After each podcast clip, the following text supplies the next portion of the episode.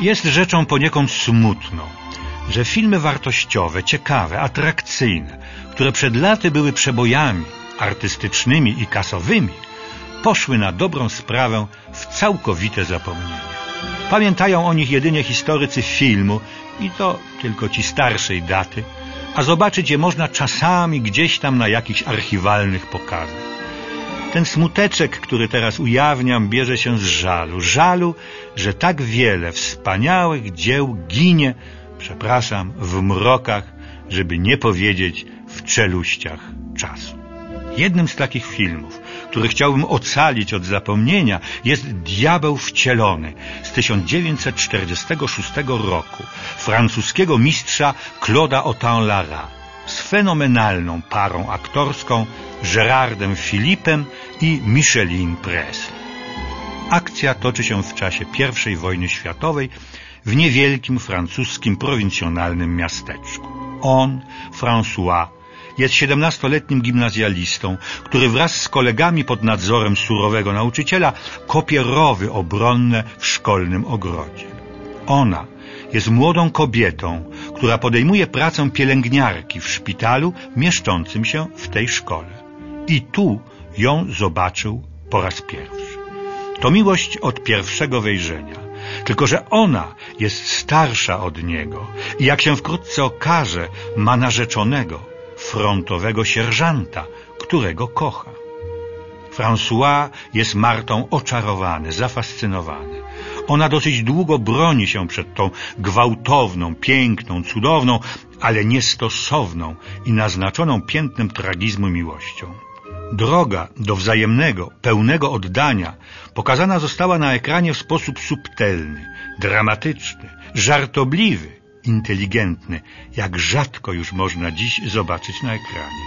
Poprzez pozornie proste sytuacje, prosty dialog poznajemy najskrytsze marzenia, oczekiwania, niepokoje, obawy, radości bohaterów. Oto krótki, pierwszy dialog między François a Martą. Ona, na widok przywiezionych prosto z frontu rannych żołnierzy, mdleje. Przekonuje się, że nie potrafi być pielęgniarką. Przebiera się i wraca do domu. François dołącza do niej. Pyta, już lepiej? Ona, to mój pierwszy raz. Jutro będzie lepiej, człowiek przywyka. On, nie sądzę. Ona, co o mnie ludzie pomyślą? On, nie ciekawi panią, co ja pomyślę? Ich miłość rozkwita podczas wojny. Rodzą się pytania. Czy wierność narzeczonemu tylko dlatego, że jest on żołnierzem i walczy na froncie, jest bezwzględną wartością nadrzędną?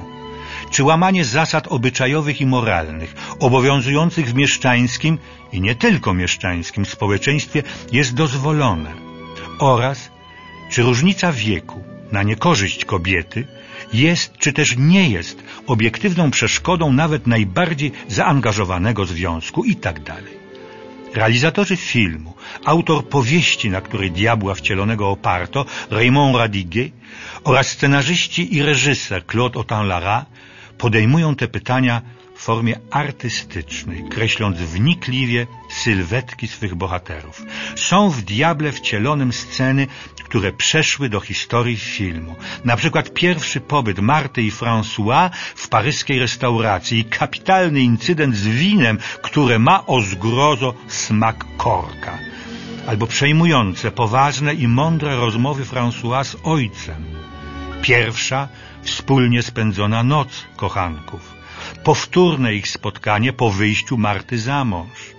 Chwila, kiedy François dowiaduje się, że będzie ojcem dzień zakończenia wojny, ogólna radość, euforia i zbliżająca się nieuchronnie śmierć Marty, ostateczne ich rozstanie, bo Marta po urodzeniu dziecka umiera, a ojcem ich syna będzie oficjalny jej mąż.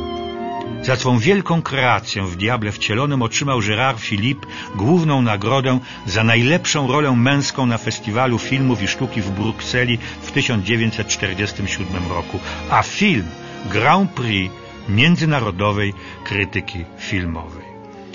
Gérard Philippe był nie tylko podziwianym i uwielbianym idolem widzów lat czterdziestych i pięćdziesiątych, był uosobieniem wdzięku, radości życia i tworzenia, uczynności i lojalności, zawodowej perfekcji, wielkiego talentu i społecznego zaangażowania. Zmarł na raka wątroby w wieku 37 lat. Pochowano go, jak sobie tego życzył, na prowansalskim cmentarzu w kostiumie Sida. Sida, którego grał również w czasie gościnnych występów w Warszawie. Widziałem go wtedy na scenie. Opowiem jeszcze o nim, bo był to jeden z największych, najsympatyczniejszych i najbardziej niezwykłych aktorów tamtych lat.